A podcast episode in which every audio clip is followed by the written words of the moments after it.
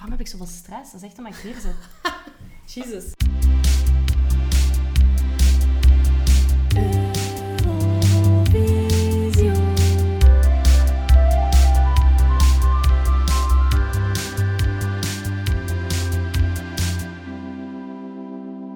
Hallo en welkom bij Eurovision, een podcast waarin ik elke week een winnend Eurosongnummer bespreek in chronologische volgorde en telkens met een gast. En vandaag is dat Alessandro Cucchiara. Dank u dat ik erbij mag zijn. Uh, Meestal welkom zeg- in Genk Ja, ik wou net zeggen, meestal zeg ik welkom, maar nu is dat niet aan de orde, want ik zit in uw huis. Dus dank u dat ik hier mag komen met al mijn micro's en zo. Altijd welkom in het warme Genk. Je bent nu al een beetje de stad aan het verkopen. Ja, dat is, eh, hoe zeg je dat, beroepsmisvorming. Ja, je bent iemand die, eh, die voor uw stad werkt, hè? heel hard.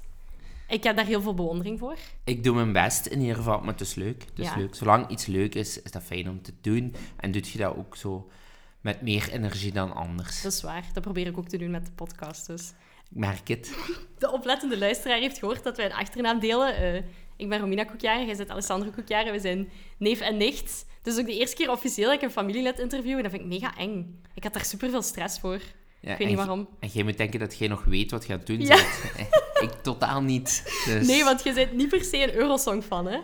Nee, alles behalve. eh, maar nu blijkt dat ik toch wel een paar liedjes kende. Ja, Ehm, zonder het te weten dat dat op Eurosong Eurosong, was, ja, ja. eh, Had je daar vroeger nooit naar gekeken met je ouders? Maar waarschijnlijk wel, want eh, ik herinner me zo 10 points go to, dat principe. Ja, Maar de laatste jaren vond ik dat zo richting het belachelijke gaan. ja dat begrijp de show er rond. Ja, Dus ik denk dat daarom de interesse een beetje weggeëpt is. snap ik ook. Eh, we zijn ook allebei half Italiaans, hè? dat is duidelijk, denk ik. Italië wint deze editie. We zitten in 1990 en eh, Italië gaat voor de tweede keer met de winst lopen. Maar in totaal wint Italië maar drie keer of zo, terwijl dat die wel vaak goede nummers schrijven en sturen. En op een bepaald moment heeft Italië ook gezegd, fuck it, we doen niet meer mee. Dus er is een hele tijd, ik denk tussen 1997 en 2011, dat Italië niet meer meedoet. En toen heeft mijn papa misschien ook een beetje de interesse verloren en hebben we misschien ook minder hard gekeken of zo thuis. Ja, misschien omdat je zo fanatiek voor je eigen land supporter. Natuurlijk, Eh, ja. Als je het nu heel goed vindt of gewoon matig. Eh, maar ik denk dat Italië in die tijd ook hun eigen eh, belangrijke eh, muziekwedstrijd had. Hè? Ja, Sanremo bestaat al Ja. langer dan eh, Eurosong. Dus dat is sowieso belangrijker, denk ik, voor Italië Ja, geweest en altijd. ik denk dat die daardoor nog meer daarop zijn gaan, gaan focussen. Ja, ja.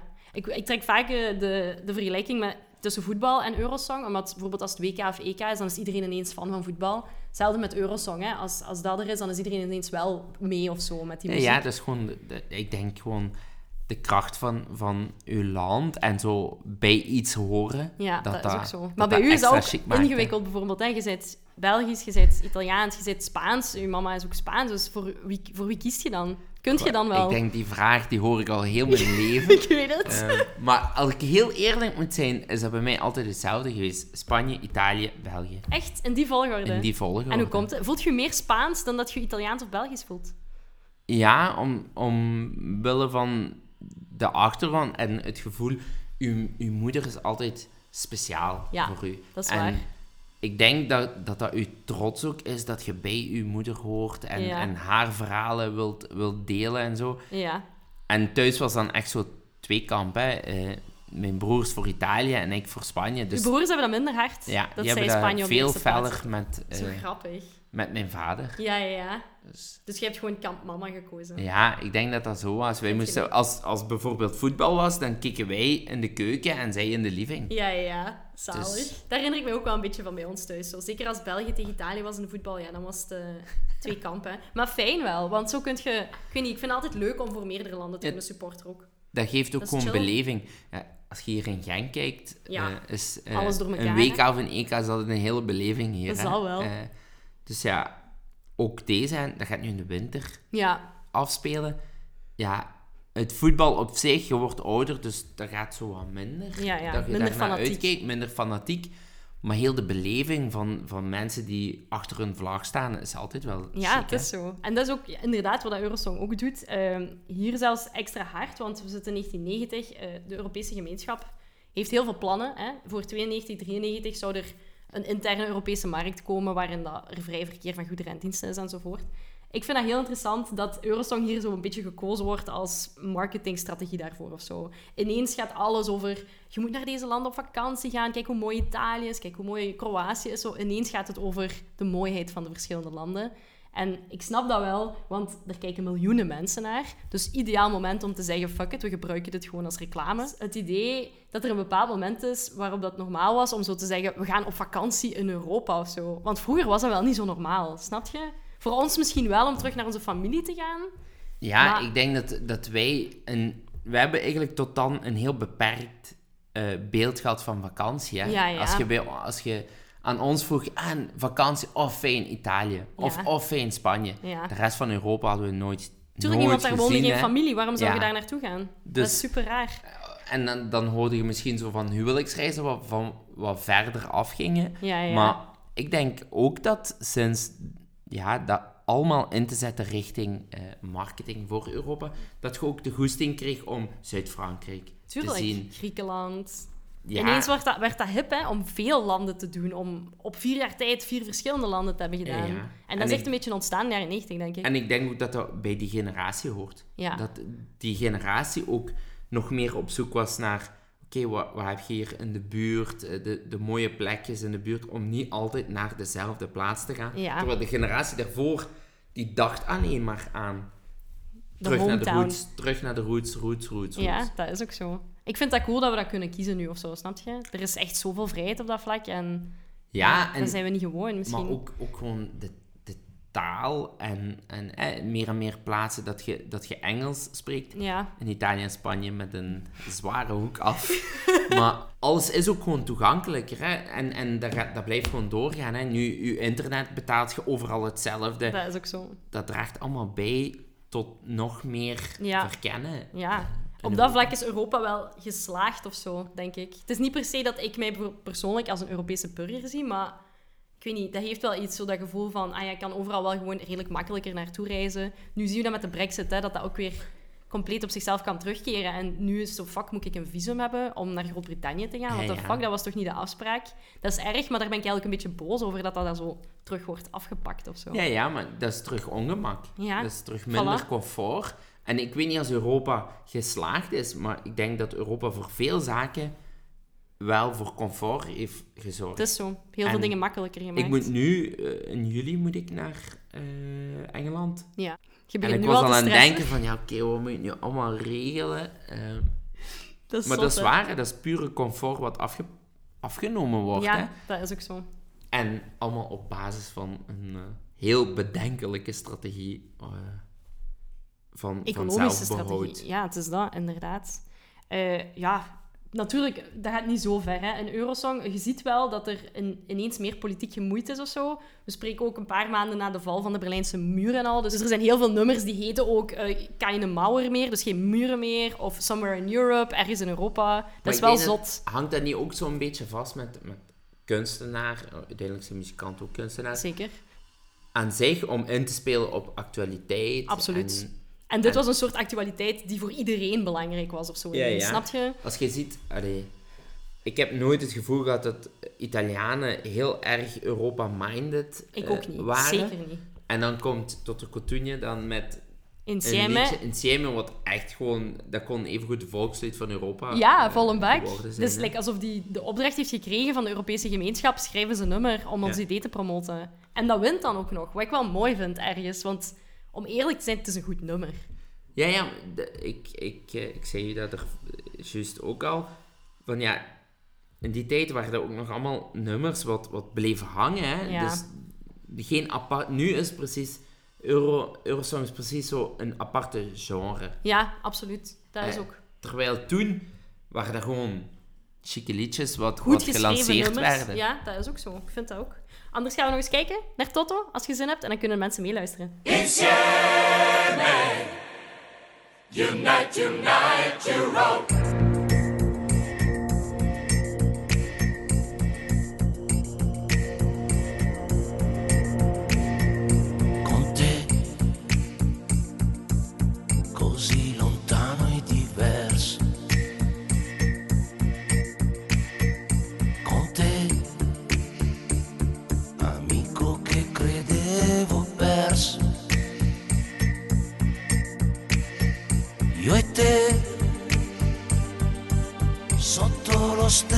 nosso sonho.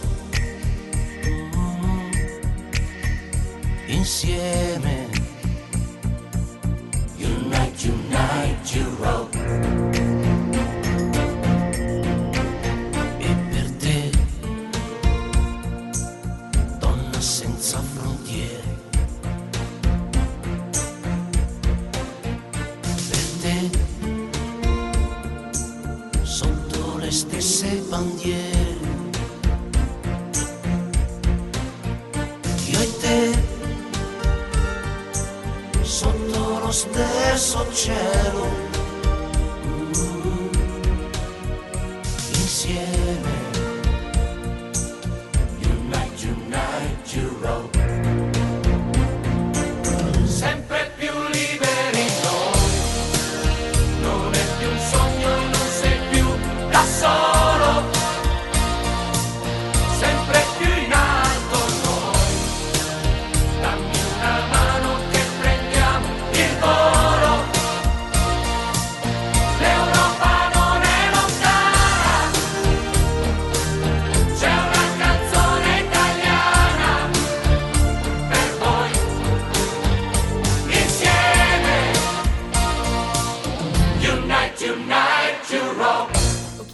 Ik vind sowieso... Dus, ik vind dat een supergoed nummer. Eh, sowieso is hij een van de meest doorwinterde muzikanten die meedoet. Je ziet dat. Die, die heeft geen stress, die staat daar, die, die ownt dat. De achtergrondkoor zingt supergoed.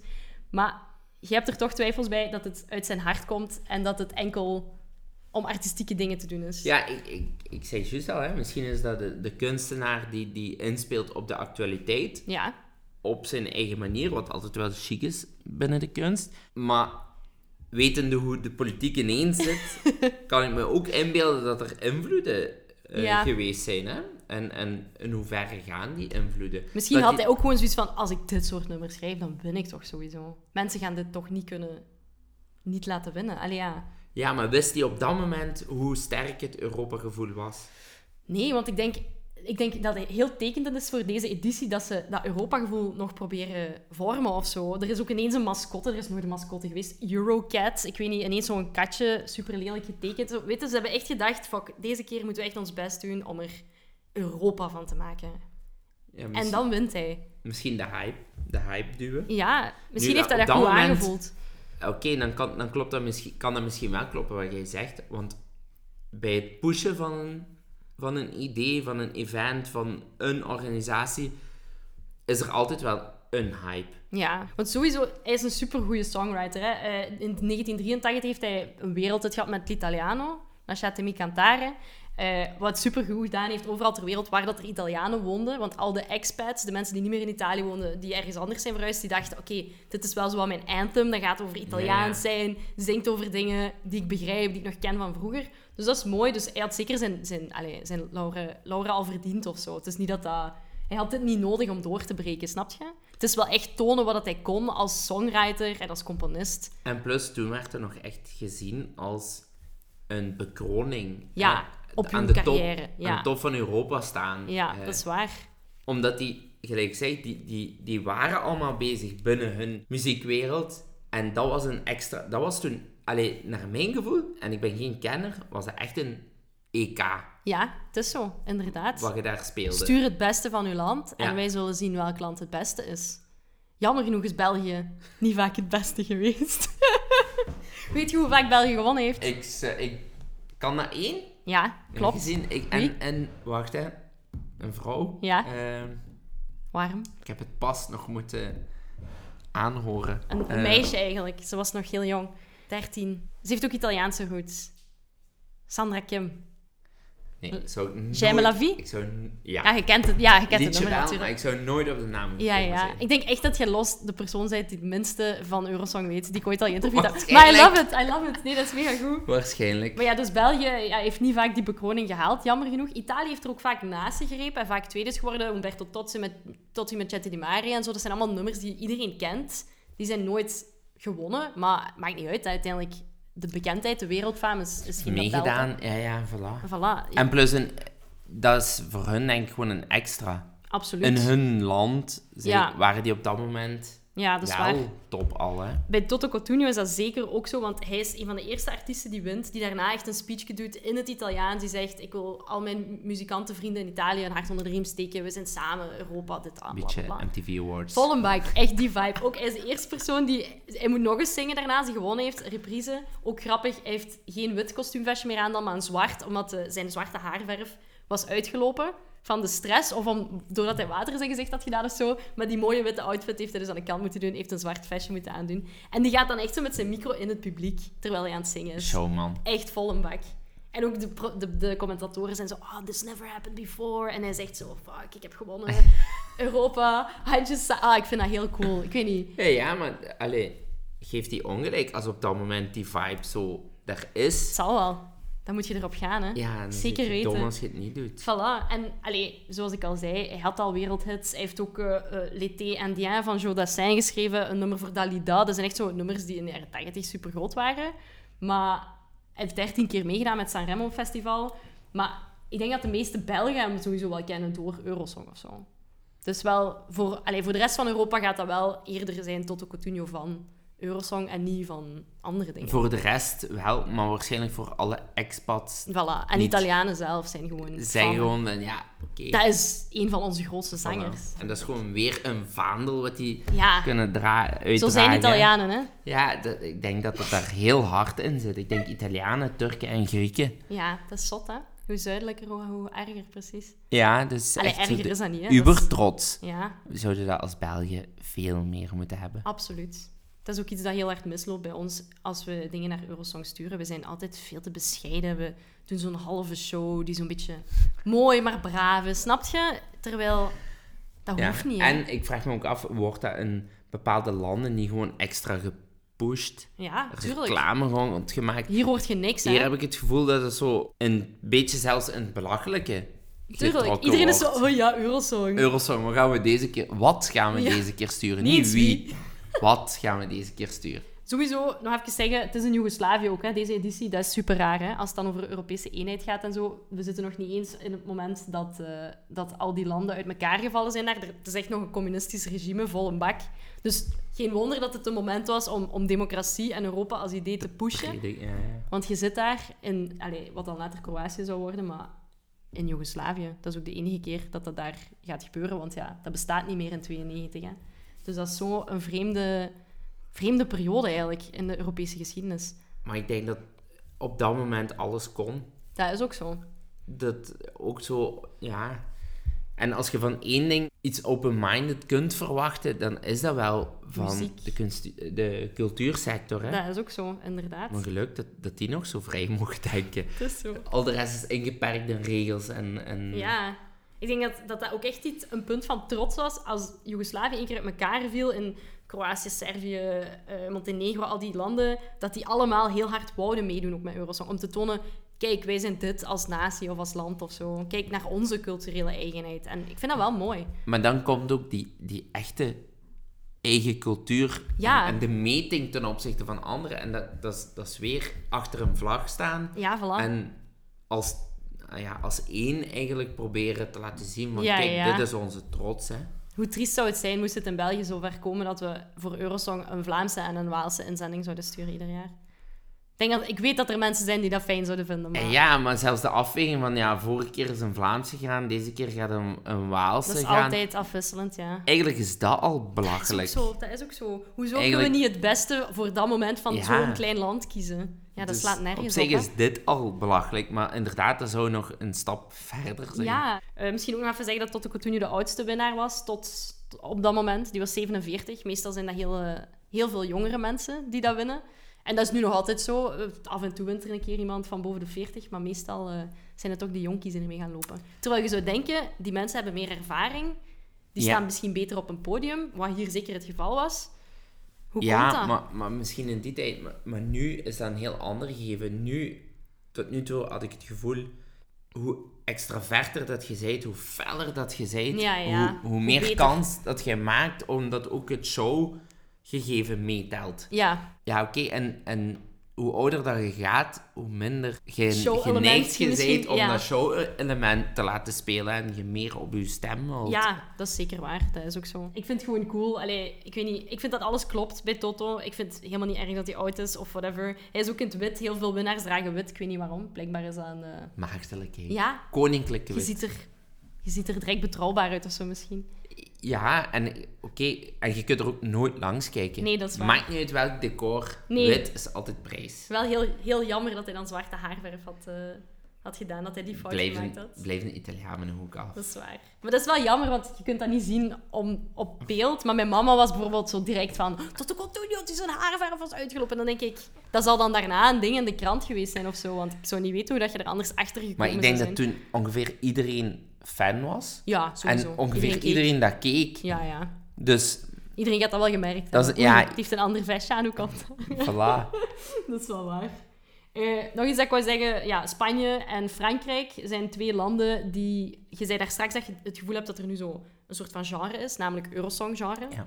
Dat is daar een beetje begonnen, zo wat folkloristische dingen. Zo bijvoorbeeld Spanje stuurt iets flamenco-achtig, maar dan wel zo met een dikke beat eronder. En ik heb het gevoel dat dat een beetje is wat dat Eurosong nu aan het worden is. Je hebt Ruslana met Wild Dances, is ook zo'n nummer dat ooit gewonnen heeft, en dat is exact zo. Dus dat is wat de succesformule of zo.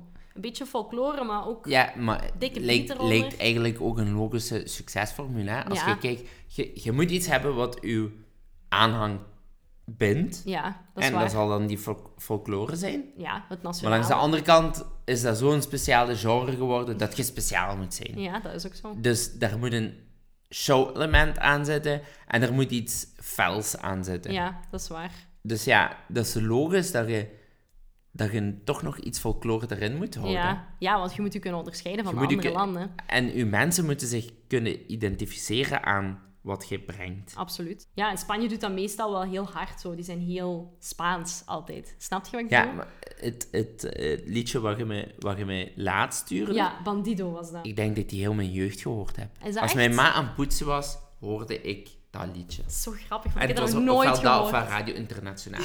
Eén van de twee. Dus Zalig. Ja, ik, heb Eén- dat, ik had dat nummer nog nooit gehoord, want geen Spaans in mijn familie. ja, Snap gezien. En ik, terwijl ik ging, als behalve kenner ben van Eurosong, ja, Jij dacht direct als je te kende. dat liedje ken ik. Ja. Gewoon niet, en niet van te kijken, maar Nee. gewoon van die heel mijn jeugd te moeten horen. Ja, ik snap het. Dat is grappig hoe, hoe anders dat dan toch is. Terwijl Ja, ja, zo ver woonden we niet van elkaar. Hè, maar En iedereen, iedereen beleeft dat waarschijnlijk vanuit, vanuit zijn eigen internationale achtergrond, context. hè? Ja, zeker, vol een bak. Ja, Frankrijk doet hetzelfde, zo'n soort van calypso-nummer, geschreven door Serge Gainsbourg, dat ook wel goed is, maar ja, het is dezelfde formule en dat is de eerste, het eerste jaar dat ik dat zo zie opkomen, zo die dancebeat met dat folklore, en ik denk dat we nu vertrokken zijn, dat dat heel veel gaat zal. terugkomen. Ja. Maar oké, ja, waarom niet? Hè? Ik bedoel, dat is niet slecht. Eh, België stuurt Philippe Lafontaine, nog nooit van gehoord, twaalfde plaats. Niet slecht, niet memorabel. Typisch België.